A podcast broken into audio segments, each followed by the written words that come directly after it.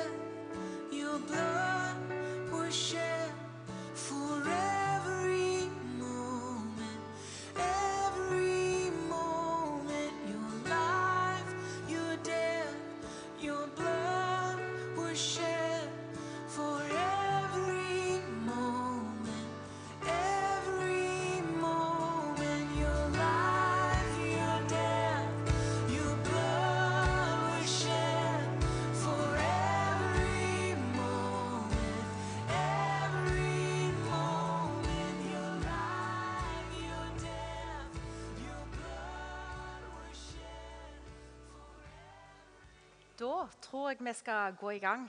Så må dere endelig fortsette å gi, og så kommer dere bare ruslende tilbake til setene deres etterpå. Jeg heter altså Mariann Nygaard. Jeg jobber her på huset. Jeg jobber litt med video, litt med brosjyremateriell som går ut herifra. Gjør litt forskjellig. Og så er jeg gift med Thomas. Eh, noen av dere kanskje truffet ham på helbredelsesrommet. Og så har jeg fire barn. Og nå tror jeg jeg har fortalt det meste.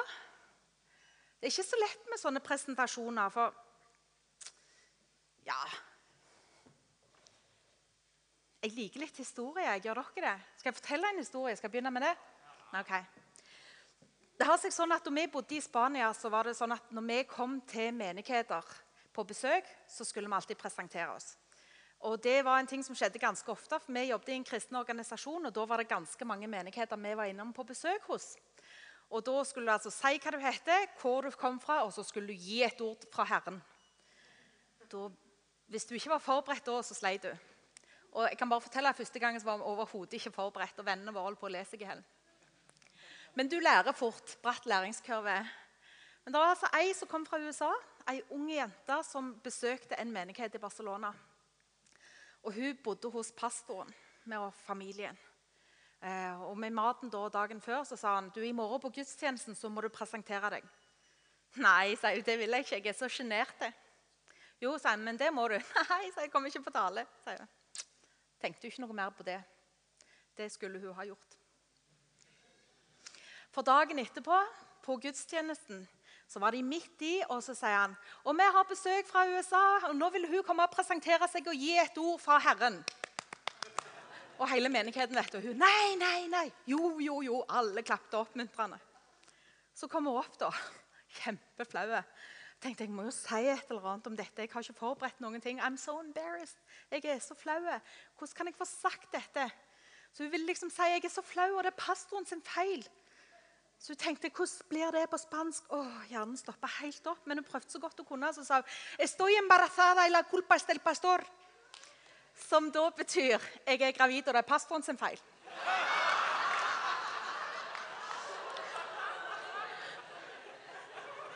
Der menigheten sa Og pastoren sa 'nei, nei, nei, det er ikke det hun mener å si'. 'Jo', sa hun, 'det er hans feil'. Det er ikke alltid så lett å vite hva en skal si. Og For ekstroverter så er det gjerne sånn at vi vet ikke helt hva vi tenker før vi har sagt det ut. Og Der har jeg en litt fordel, da, fordi at jeg skriver det ut. Så ser jeg etterpå så tenker jeg, er det det jeg tenker om det? Og det er veldig fint. Og Av og til så er det ord som går rett fra hjertet uten å gå innom hodet først. Og Det var det som skjedde første pinsedag. Da de som fulgte Jesus, ble fulgt av Den hellige ånd og snakket med ulike tunger. Noen snakket på språk som de ikke kunne forstå, men som andre forsto. Og andre snakket på språk som kanskje ingen forsto noe av. Og det varte ikke lenge før folk mente at de er jo fulle. Og det var det jo. Av Den hellige ånd. Og det hjertet var fullt av, strømma munnen over med. Den kraften som møtte de, var for store til at han lot seg filtrere av tanken. Og det er ganske utfordrende for noen av oss. For hvordan skal vi møte det som vi ikke kan begripe? Det som vi ikke kan forklare? Hvordan kan vi verdsette det som vi ikke kan forstå? Og så glemmer vi kanskje at det gjør vi faktisk allerede. Hver eneste dag. De av oss som er foreldre, vet at vi aldri kunne ha sett for oss hvor glad vi kunne være i ungene våre. Er det noen foreldre som er enig i det? Ja? Nei? Jo? Ja. Takk. At vi nærmest over natta utvikla et beskytterinstinkt så sterkt at vi ville ha ofra oss for ungene våre uten å tenke over det.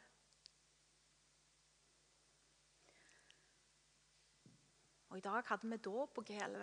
Fire barn som ble døpt. Og Martin sa noe om at ungene har ikke gjort noe som helst for å fortjene vår kjærlighet. Særlig i den første tida etter fødselen så gjør de virkelig ikke en puck annet enn å kreve vår fulle oppmerksomhet mesteparten av døgnet. Og Like fullt så vokste denne kompromissløse kjærligheten fram i oss. Det lar seg ikke forklare. Og Allikevel er det ingen av oss som sier at morskjærligheten eller farskjærligheten ikke eksisterer. Bare fordi at vi ikke kan forklare den. Vi tar imot den med ydmykhet og takknemlighet. Vi anerkjenner at den er større enn oss sjøl, og at Gud har gitt oss noe som vi får å forvalte. Og Sånn er det med Den hellige ånd, som ble gitt oss på pinsedagen. Vi kan ta imot Den hellige ånd selv om vi ikke forstår. Og vite at det er en kraft og en kjærlighet som vi får forvalte for våre omgivelser. Til deg som sitter her og tenker jeg er en realist. Jeg eh, foretrekker å forholde meg til det som jeg kan ta og føle på. Og Dessuten så har jeg ikke barn, og det eksempelet som hun ga om foreldrekjærlighet, det var bare helt utrolig ekskluderende så vil jeg si du har en far i himmelen som elsker deg. Og du har ikke fortjent det, og det har ikke jeg heller. Men han gjør det like fullt. Og det er sånn han er. Ingen krav. Ingen betingelser. Bare uforbeholden kjærlighet. Og det er han som vil møte deg nå i dag. Så bak alle ordene mine så er det en Gud som vil vise deg enda mer av seg. Han har mer for deg. Hvis vi setter som forutsetning at alt, vi skal forstå alt det Gud gjør for å godta hans inngripen i våre liv, så har vi i praksis gjort han til vår like. Og det er han ikke. Det handler ikke om at Gud liksom dilter etter oss, men at vi får følge etter han. Vi får være med på det som han gjør. Og det er ikke vår oppgave å bedømme hvorfor han gjør noe, eller hvordan han gjør det. Vi skal bare holde utkikk etter hva Gud gjør. Så jeg tenkte å snakke litt om det. Hvordan gjenkjenner vi hva Gud gjør? Og hvordan forholder vi oss til det? Og Du skal få noen stalltips som gjør det lettere å følge med underveis. Og Det er Guds ord i forkant, Guds nærvær underveis og frykt i etterkant. Okay. Jeg har tenkt mye på hvordan kjente disiplene igjen at det var Den hellige ånd som kom på, eh, på pinsedagen, og at det var en god ting. Hvordan kjente de igjen at det var Gud som grep inn? Og, og hvordan kan det ha seg at de ikke tenkte at dette her var Babels tårn del to? Hvordan gjenkjente de Den hellige ånd? I Apostlenes gjerninger 1 så står det om Jesus. En gang han spiste sammen med dem, påla han dem dette. Dere skal ikke forlate Jerusalem, men vente på det som Far har lovet, det som dere har hørt av meg. For Johannes døpte med vann, men dere skal om noen dager bli døpt med Den hellige ånd. Hvordan kjente disiplene igjen Den hellige ånd da han kom? Jo, de kjente han igjen fordi de hadde lest manus. Guds ord er et smart filter. Har Gud sagt det? Står det i Bibelen? Da kan du stole på det og vite at det er greit, selv om du ikke skjønner hvorfor Gud valgte å gjøre det på akkurat den måten. Hvordan vet du hva det står i Bibelen? Hold dere fast. Du leser den. Og vil si én ting ikke bygg livet ditt på andres åpenbaring. Ikke bygg livet ditt på andres åpenbaring. Ikke la podkaster, andagsbøker eller taler på IMI eller andre steder erstatte din personlige tid med Gud. Bli kjent med Guds karakter gjennom det han sier. Og så kan du vite at Bibelen, Guds ord, er profetisk i sin natur. Han vil gjøre det igjen. Kanskje ikke på samme måten, men det er absolutt en fordel å ha lest manus. Når du vet hvem Gud er, så er det lettere å kjenne han igjen når han kommer. Ok? Er du usikker på hva som står i Bibelen? Eller hvordan du skal forstå det som står der? Så les sammen med noen. Bli med i ei huskirke, f.eks. Les Bibelen sammen med noen andre. Bli kjent med Jesus. Han som sier at vi er vennene hans. Venner tilbringer tid sammen. De velger hverandre. Og Gud har allerede valgt deg.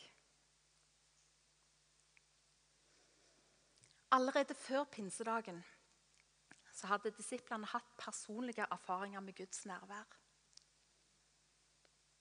Og Det gjorde at de kjente igjen Den hellige ånd da de ble presentert for ham. De hadde sett Jesus gjøre tegn og under og hørt han si at når han var vekke, så skulle Den hellige ånd komme. Og de hadde òg sjøl gjort tegn og under fordi de sto under Jesus sin kappe. Jesus sa til og med at det var en fordel for disiplene at han ble vekke, sånn at de kunne sjøl få direkte adgang til talsmannen. Og Jeg vil ta fram et eksempel på disiplene sitt møte med Guds nærvær, med hans herlighet. Og Vi skal stoppe litt med en tekst i Matteus. For å sette den i kontekst. Kort tid før vår tekst begynner, så har Simon skjønt at Jesus er den som Skriftene snakker om. Messias, den levende Guds sønn. Og Jesus har anerkjent Simons åpenbaring. Han erklærer at verdens kirke skal bygges på Simon Peter.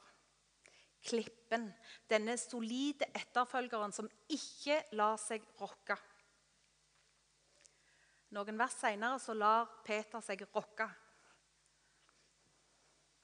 I sin iver etter å redde livet til sin gode venn så prøver han å overtale Jesus til å ikke dø for menneskeheten.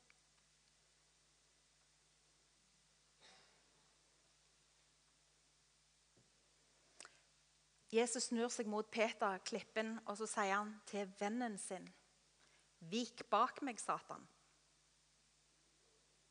Du skjønner ikke Gud, du tenker bare på hva mennesket vil. Og Deretter så går han videre for å fortelle dem at de må legge ned sitt eget liv for å kunne følge ham. Ta opp sitt kors og fornekte seg sjøl for å kunne nå det evige livet. Peter har altså fått en åpenbaring. Han skjønner nå hvem Jesus er. Og i neste øyeblikk så blir livet innmari vanskelig. Jeg skal se om jeg får tid til å komme tilbake til det i dag. Eller så må jeg komme tilbake til det ved en senere anledning. Men akkurat nå går vi videre til neste kapittel. Og Vi skal stoppe litt i denne teksten. sånn at hvis du har med deg får du den opp her etter hvert, men hvis du har med deg eh, telefon eller bibel, så kan du gjerne slå opp der. Matteus 17. Jeg skal bare se om jeg kan få opp den koppen med vann.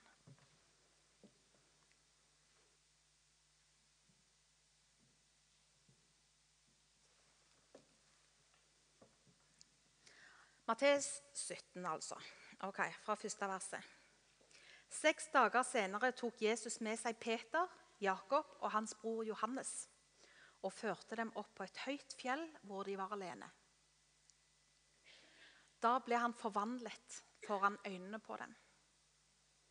Ansiktet hans skinte som solen, og klærne ble hvite som lyset. Og se, Moses og Elia viste seg for dem og snakket med ham. Da tok Peter til orde og sa til Jesus.: Herre, det er godt at vi er her. Om du vil, skal jeg bygge tre hytter. En til deg, en til Moses og en til Elia.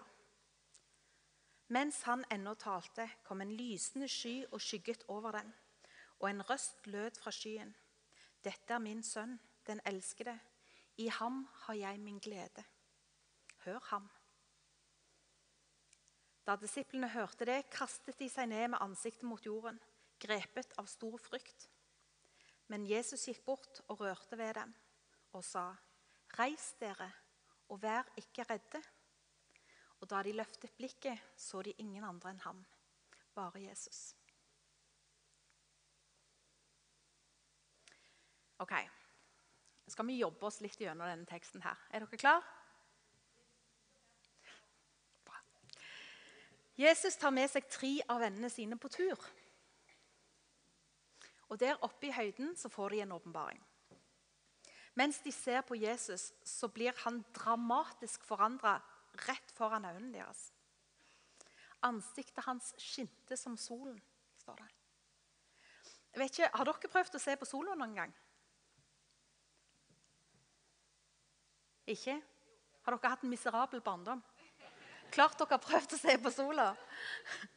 Og klart Du gjorde det ikke lenge, gjorde du vel? Nei, for det var ubehagelig. Skarpt. Skinnende lys. For skarpt til å ta inn med vårt naturlige blikk. Og Videre så står det at klærne ble hvite som lyset. Eller som en annen oversettelse sier klærne var som et blendende lys som skar som lynet. Disiplene var vant til å vandre sammen med snekkeren kompisen, læreren. Og nå sto de plutselig der med Jesus som var herliggjort i sin guddommelige fars nærvær. Og den Jesus som de kjente fra før, viste seg i en annen skikkelse. Mens de ser på han, så står plutselig Moses og Elia der, og de snakker med Jesus. Moses, som representerte loven, og Elia, som representerte profetene. Og De står der sammen med Jesus, som er selve oppfyllelsen av loven og profetene. Og dette får disiplene være vitne til. Det er så stort at det lar seg ikke fatte. Men det stopper ikke Peter. Han kjenner på dette enorme, grensesprengende nærværet som han ikke helt skjønner rekkevidden av, men som han bare ikke vil skal ta slutt. Og før noen helt vet ordet av det, så har ekstroverten Peter tenkt litt høyt igjen. Her er det jammen godt at vi er her.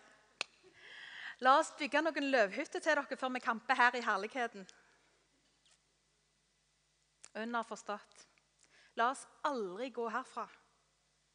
La oss bli her, i herligheten, i nærværet.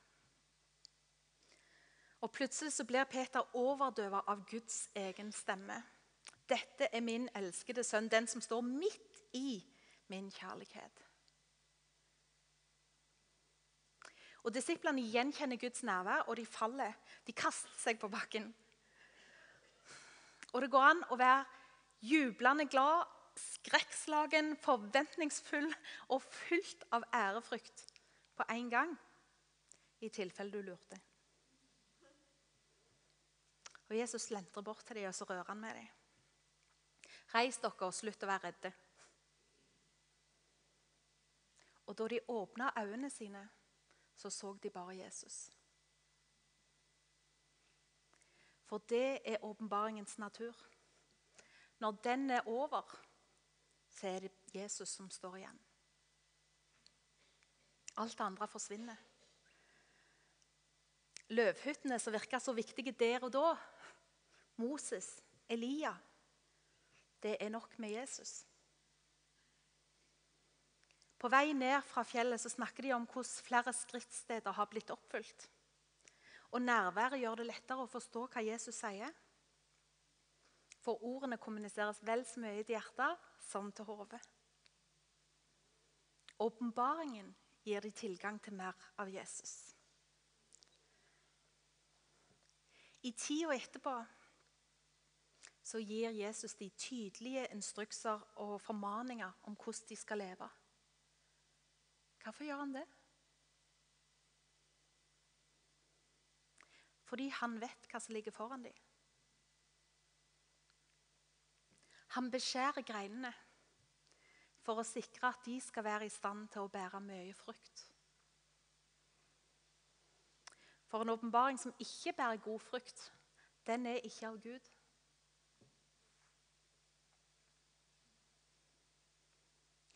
Ut ifra åpenbaringen om og forståelsen av hvem Gud, eller hvem Jesus var, så gikk disiplene ut og forkynte evangeliet til alle, til alle folk, til verdens ender.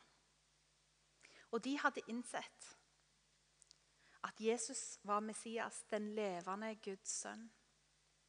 At han var den som ga sitt liv i bytte for at de skulle få et evig liv. Det var han som var den eneste veien til Gud.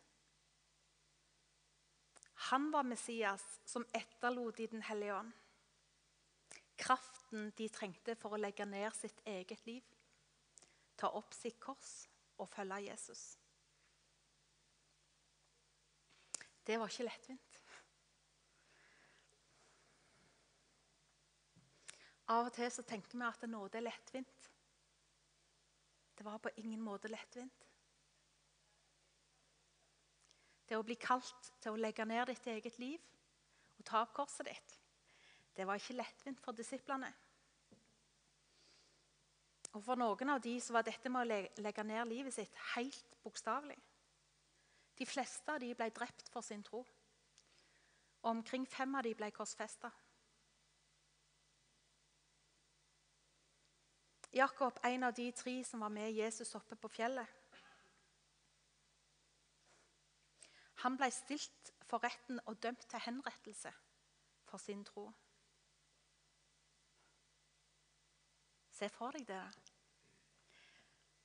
Han var med Jesus oppe på fjellet og så han herliggjort. Hørte Gud snakke ned over han. Og så ender han livet sitt med å bli halshogd. Og Under rettssaken var anklageren så beveget av det som Jakob fortalte, at han sa jeg òg vil følge Jesus. Og han ba selv om å bli halshogga sammen med Jakob. Og det fikk han. Frelsen er gratis. Når du har tatt imot Jesus og bekjent han som herre i livet ditt, så er du frelst. Navnet ditt er skrevet opp i livets bok. Og på den andre sida av døden så venter der deg et evig liv. Og det er helt gratis. Men å vandre med Jesus kan koste deg. Å få en åpenbaring av hvem Gud er, gjennom Bibelen, gjennom nærværet, får deg til å kaste vrak på alt annet og stå igjen med Jesus. Når han rører med deg og sier 'ikke vær redd', så slipper angsten taket. For du vet at han er Messias, den levende Guds sønn.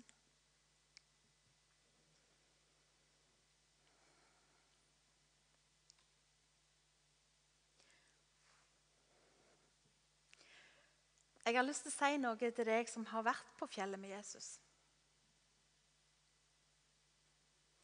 Men som nå syns du er litt i dalstråka innafor. Og gjerne med sand og ørken på alle kanter. Og uten noe frukt å vise til. Jeg har erfart at vi trenger en tur i ødemarken av og til. Du husker kanskje eh, da døperen Johannes døpte Jesus. Husker dere det? Husker den historien der? Okay. Himmelen åpna seg, og Den hellige ånd kom ned over Jesus som ei due. Og Gud henvendte seg direkte til Jesus og sa, 'Du er min sønn, den elskede. I deg har jeg min glede.' For en åpenbaring. Det står videre at fullt av Den hellige ånd vendte Jesus tilbake fra Jordan. Drevet av ånden ble han ført omkring i ødemarken i 40 dager, og han ble fristet av djevelen. Det var ikke helt sånn vi så for oss fortsettelsen på åpenbaringen, var det vel? Men der i ødemarka så ble åpenbaringen en del av Jesus. Det var ikke lenger bare noe som han hadde opplevd, men noe han var. Ikke lenger bare noe som han visste helt rent teoretisk, men noe som han levde.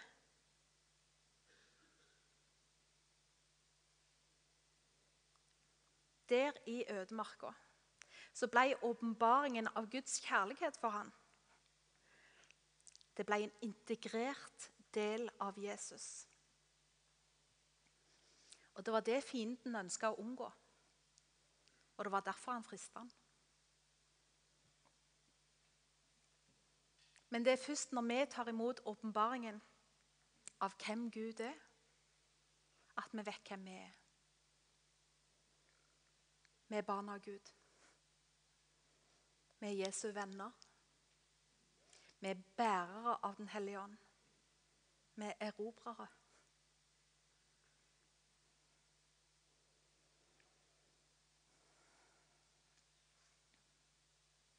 Først når åpenbaringen har blitt en del av oss, så vet vi hva vi har å gi videre.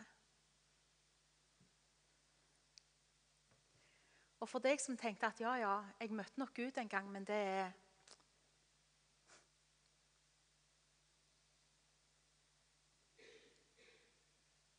Så tenk igjen om du nå er i ødemarken, for at du skal forstå hva som har blitt åpenbart for deg. For at det skal bli en del av deg og noe som du får å gi videre. Ikke bare noe du har erfart, men noe du er.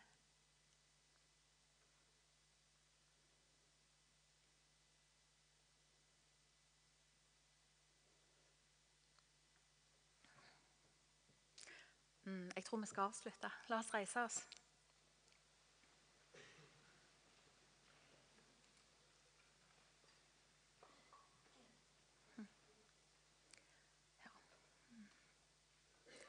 I dag så vil jeg be for to grupper. Og dere kan vente med å gi dere til kjenne. Så skal jeg bare si ut hvem det er først. Jeg har lyst til å be for deg som har avvist det som du ikke kan forstå. Men som, kjenner at, men som kjenner at du heller vil leve i det som Gud har for deg.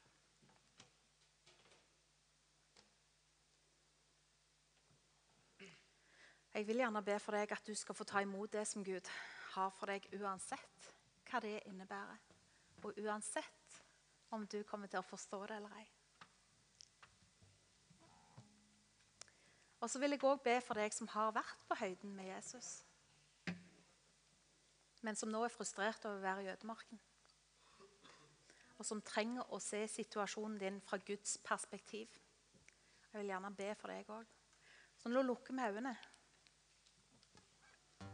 Og hvis du tilhører én av de to gruppene, så ber jeg om at du retter opp hånda di nå.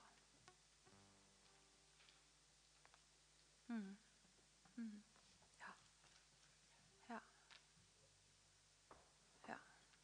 Mens vi står her, så ber vi sammen. Far, jeg takker deg fordi at når du kommer, så kommer du som du vil. Og vi inviterer deg til å komme og gjøre det som du vil ved din Hellige Ånd. Far, vi legger ned retten til å forstå.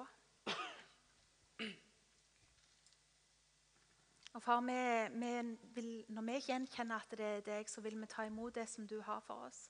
Ber om at du åpner øynene våre, at eh, du ser, at vi får se hvor du går, så vi får følge deg, far. Takker deg fordi at du lar oss ikke igjen som foreldreløse barn. Takker deg fordi at du går sammen med oss alltid. Helligånd, så ser du de som sitter igjen med sår.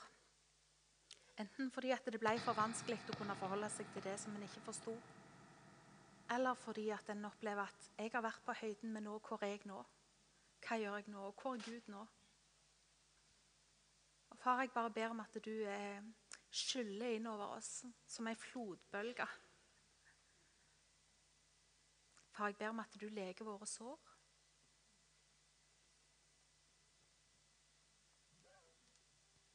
Far, jeg takker deg fordi at eh, selv ikke i ødemarken så skal vi være alene.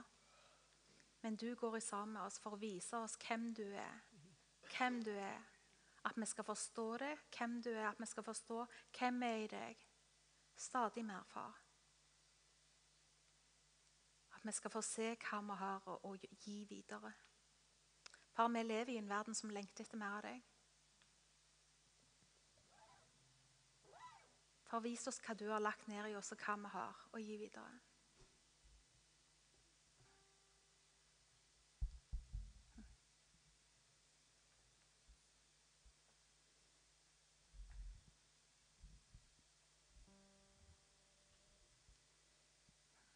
Mens vi står her med øynene igjen, så vil jeg òg invitere deg som ennå ikke kjenner Jesus, men som kjenner at du vil leve for noe som er større enn deg sjøl.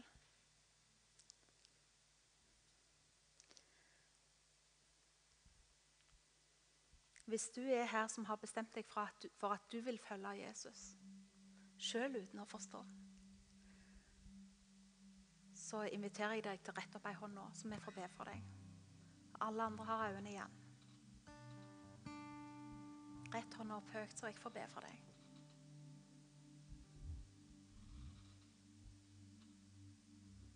Gud velsigne deg.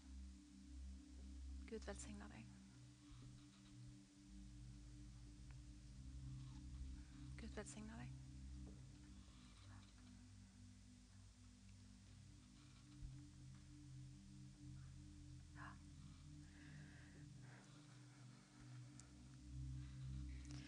La oss be sammen. Nå ber jeg først, og så skal vi få gjenta alle sammen. Kjære Jesus, nå kommer jeg hjem. Takk for at du tar imot meg sånn jeg er. Jesus, takk for at du døde for meg. Og takk for at du tilgir meg alle syndene mine. Takk for at du vil gå med meg alle mine dager. Og takk for at jeg nå har fått evig liv.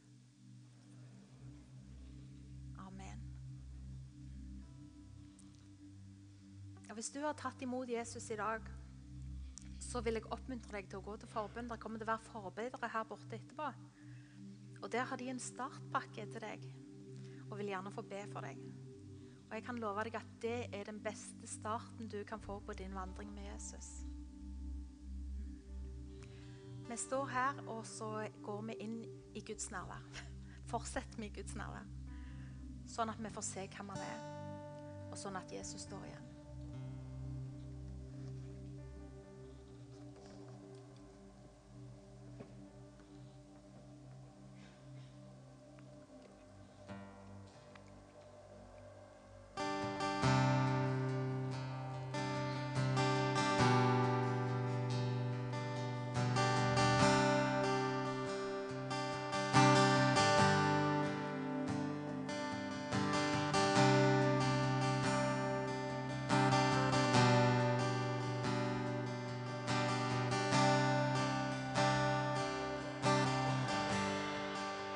Worthy of every song we could ever sing. Worthy of every praise we could ever bring. Worthy of every breath we could ever give. Live for you.